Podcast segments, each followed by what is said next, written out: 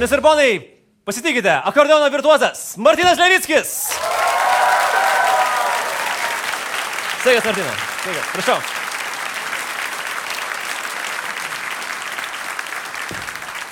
Sveikas, Martinai, malonu matyti.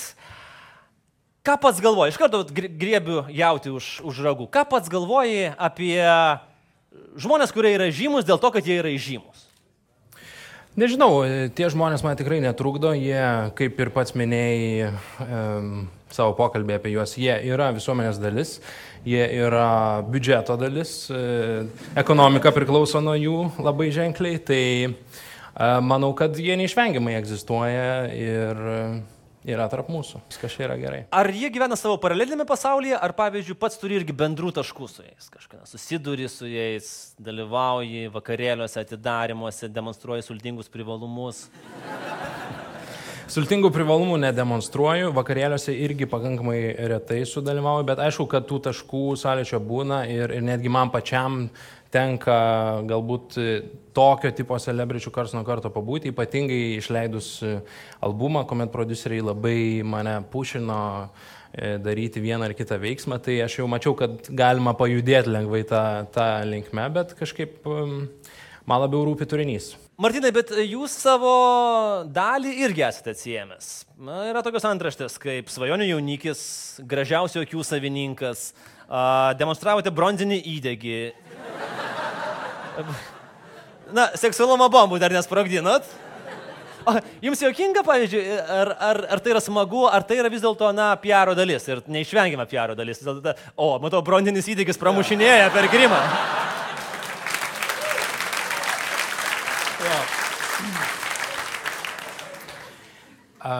Aš manau, kad visi, net ir šioje salėje esantys žmonės ir žmonės, kurie žiūri anoji pusėje ekranų, daro selfius tai yra normalu. Tai lygiai taip pat ir aš, kaip paprastas žmogus, pasidarau selfie. O tai, jo kažkoks portalas jį pasiima ir uh, uždeda antrašę apie bronzinį įdygį, tai čia jau jų yra kūriamas turinys. Bet vėlgi, man tai netrukdo. Čia žaidimo taisyklės. Aš, mėgstu suderinti šiek tiek galbūt nesuderinamą. Ką aš transliuoju savo turiniu, ne visada būna labai popsova, ne, ne visada būna labai pigu, tiksliau, labai retai būna pigu. E, bet e, pateikti tai šiek tiek populiariau, šiek tiek prieinamiau bendrai publikai, man pačiam kaip akordinistui, kaip e, klasikinės muzikos atstovui, tai yra būtina. Ir dabar pradėkime kalbėti iš tikrųjų apie jūsų gyvenimo draugą. Akordeoną. Esate viename interviu pasakęs, kad jūs šiek tiek erzina, kai žmonės painioja akordeoną su harmonika. Nes, na žinot, harmonika tik paėmiau. Kokie skirtumai? Na, paaiškinkim visiškai žaliems. Aš prisipažinsiu, irgi tikrai nežinau skirtumo. Kuo skiriasi? Tai ne šiek tiek nervino, labai nervina, nes tai... Visa mano karjera pastatyta ant to nervo yra iš tikrųjų. Skirtumų yra nemažai, bet ir panašumų taipogi yra nemažai. Šitie visi instrumentai, bandonionai, harmonikos, akordeonai, bajanai, visi jie yra aerofoniniai instrumentai, visi jie turi dumplės. E, tomis dumplėmis yra sukūriamas garsas, tai yra judančių orų viduje e, sukūriamas garsas, kuris eina per metalinius liežuvėlius esančius viduje. Tai visose instrumentuose lygiai tas pats. Tiesiog skiriasi būdas atidaryti mm, klaviatūroje, klaviatūros kitoje pusėje esančią skilutę. Tai ar, ar tai yra klavišai, ar tai yra mygtukai, jau priklauso tai nuo... Tai jokio skirtumo realiai nėra.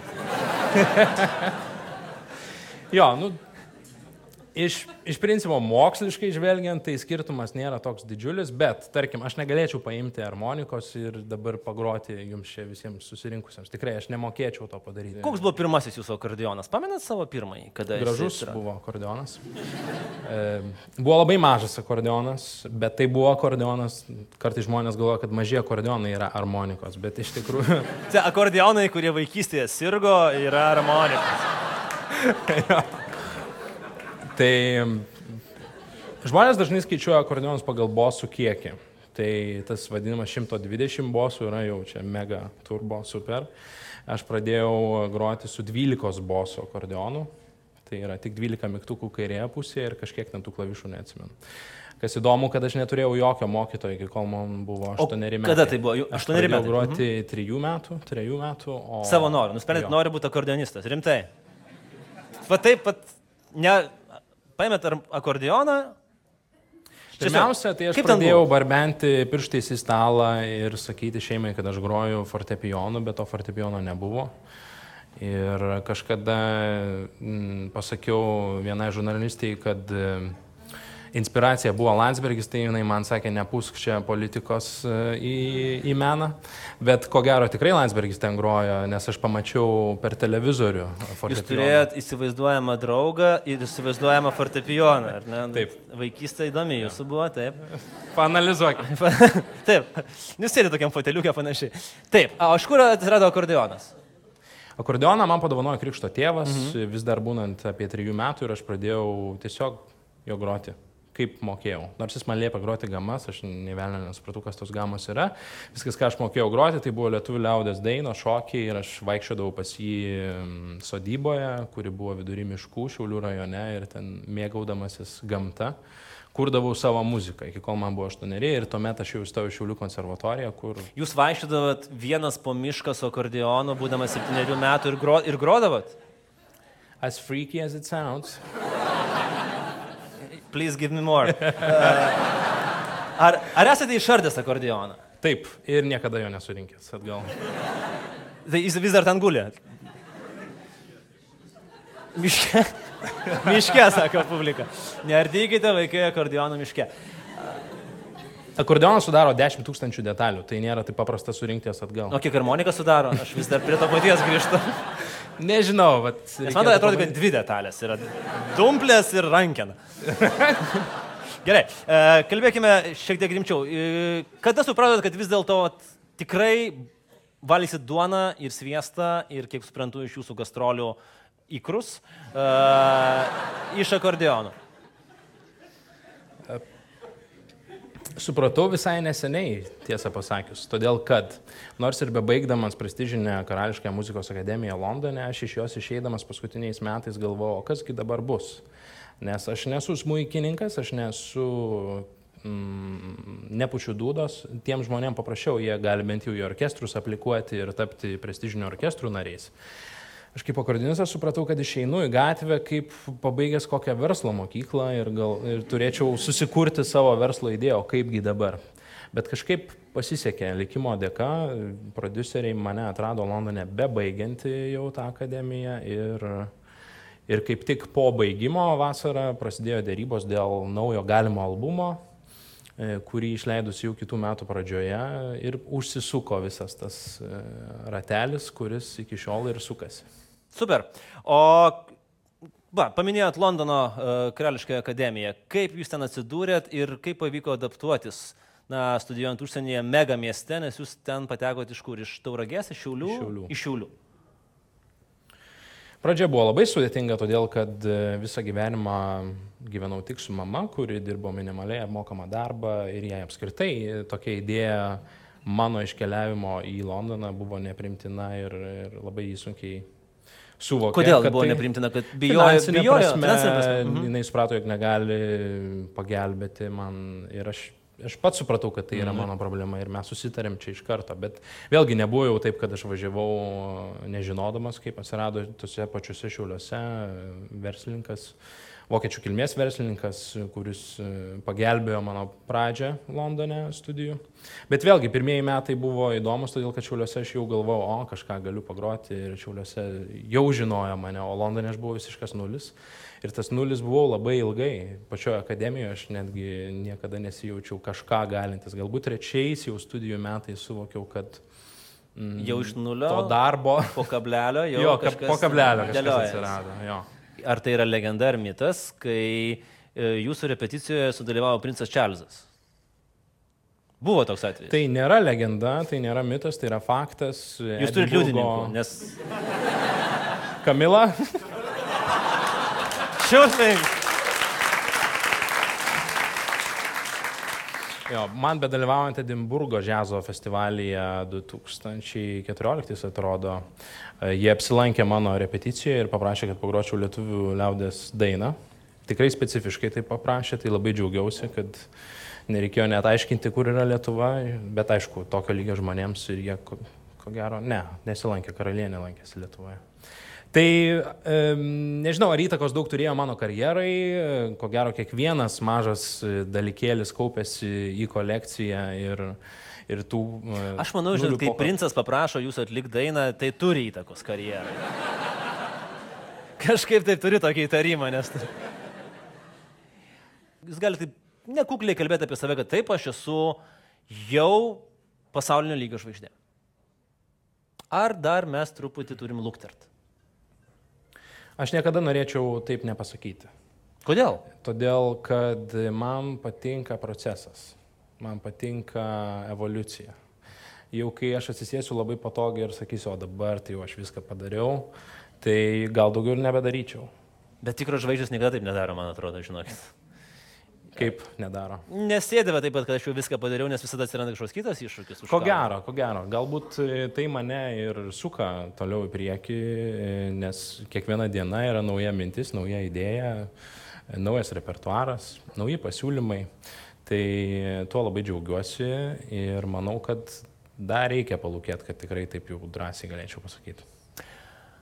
Jūs grojat labai skirtingą muziką. Nuo klasikos, nuo Vivaldžio iki Lady Gaga arba kitų. Kaip sakoma, perkat ir jaunimo balsus.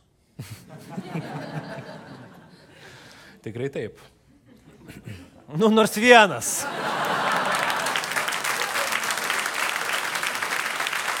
Ar klasika tampa madinga klausytis? Ar jinai visuomet buvo, gal mes tik tai įsivaizdavom, kad jinai buvo užgošta? Ar vis dėlto reikia, reikia tos difuzijos, tai yra, kad, na, tam pačiam koncerte jaunimas išgirstų ir Lady Gaga ar, ar Michael Jacksoną ir tada jam truputėlį per smegenis ir Vivaldžio ar Bacho ar... ar, ar... Aš turiu pasakyti, kad Lietuvoje mes turime labai gerą situaciją. Aš nesu jau taip hmm. giliai išanalizavęs, bet e, koncertuose aš matau daug jaunų žmonių. Klasikinės muzikos koncertuose į kuriuos aš mėgstu pats nueiti kaip klausytojas ir stebėti publiką. Ir, ir man be galo gera matyti tos jaunus žmonės, nes nei Vokietijoje, nei Korejoje, nei Šveicarijoje, nei UK man netenka tiek jaunų žmonių matyti koncertuose. Tai tas mitas, kad klasikinė muzika merdėje Lietuvoje tikrai, tikrai negalioja ir mes turim tuo džiaugtis. Ar domitės politiką? Domiuosi. Balsavot? Balsavau.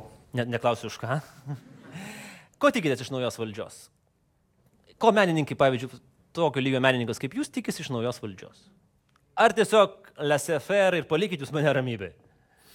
Iš tikrųjų, aš kartais irgi taip pamastau, ko aš tikėčiausi ir dažnai aš nusiviliu Lietuvoje vykstančiais kultūriniais procesais. Ir dažniausiai man gera yra, kai aš nesigilinu į tai.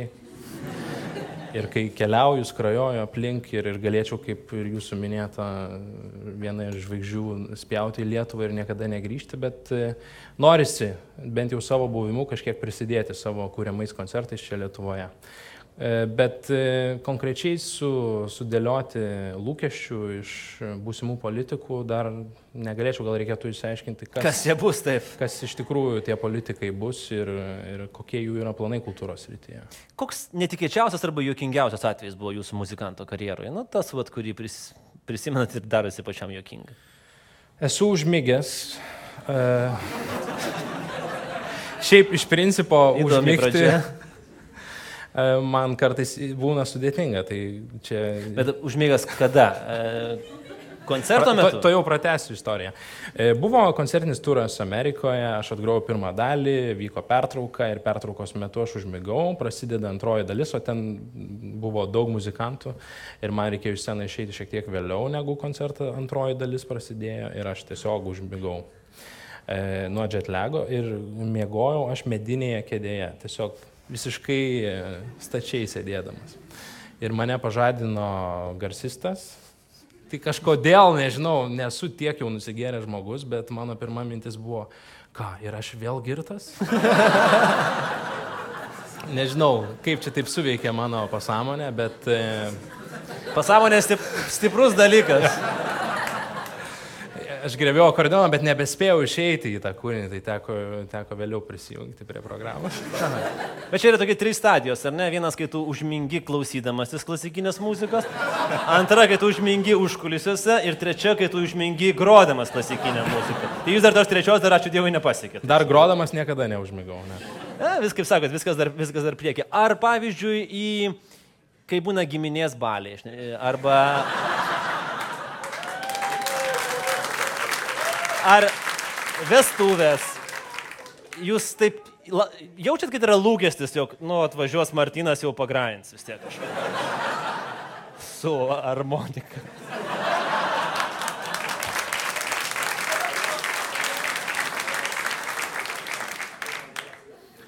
Lūkestis toks tikrai būdavo ir aš e, nevengdavau pagroti, bet tuo metu man būdavo 10-12 metų.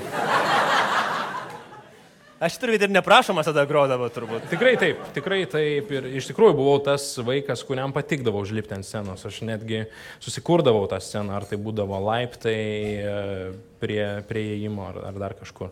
Tai man patikdavo tai daryti, bet aš netgi vesdavau tam tikrą discipliną tose baliuose, kad per mano grojimą negalima ne, ne, nei gerti, nei valgyti ir aš žiūrėdavau. Ir va, tikrai- šitas pasąmonė. Va iš kur pasąmonė atėjo šitas, reiškia, žinai, užsis... Ir žiūrėdavote, ar tikrai klausosi.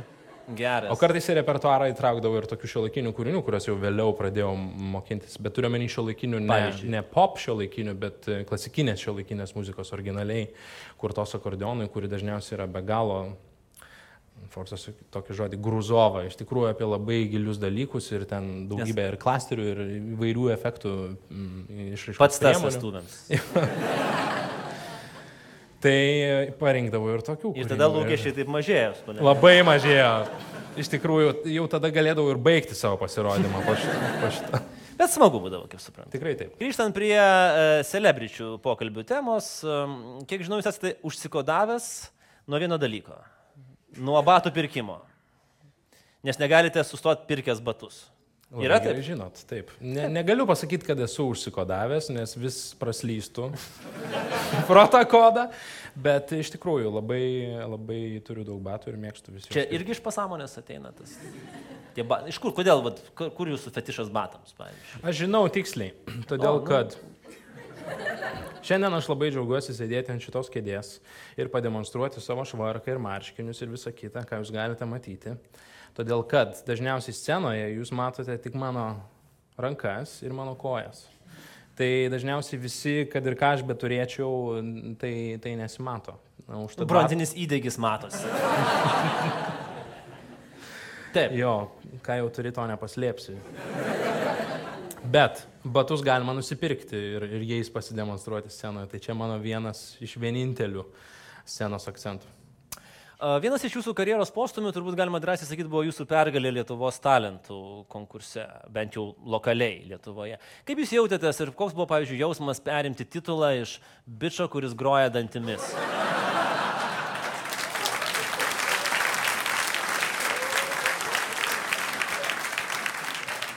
Nu, tam tikras upgraidas.